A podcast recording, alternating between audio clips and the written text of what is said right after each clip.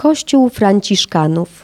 Kościół Franciszkanów był największą świątynią w Zamościu i jedną z największych w Polsce. Jego budowę rozpoczęto w 1637 roku, a pierwszą mszę odprawiono 18 lat później. Fundatorami świątyni byli drugi ordynat Tomasz Zamojski i jego małżonka Katarzyna z Ostrogskich. Po kasacie klasztoru w 1784 roku kościół zamieniono na magazyn wojskowy, a w 1840 roku przebudowano na koszary. Po 1918 roku w gmachu ulokowano różne instytucje, m.in. muzeum i kinoteatr stylowy. W latach powojennych część pomieszczeń przeznaczono na Państwowe Liceum Sztuk Plastycznych. Począwszy od lat międzywojennych, Kościół czynił starania o odzyskanie świątyni, w wyniku których w 1993 roku, po 200 latach, Franciszkanie wrócili w jej mury. XIX-wieczne przebudowy znacznie zubożyły budowlę, ale zachowane elementy kamieniarskie, a zwłaszcza korynckie pilastry i barokowy portal na zachodniej ścianie,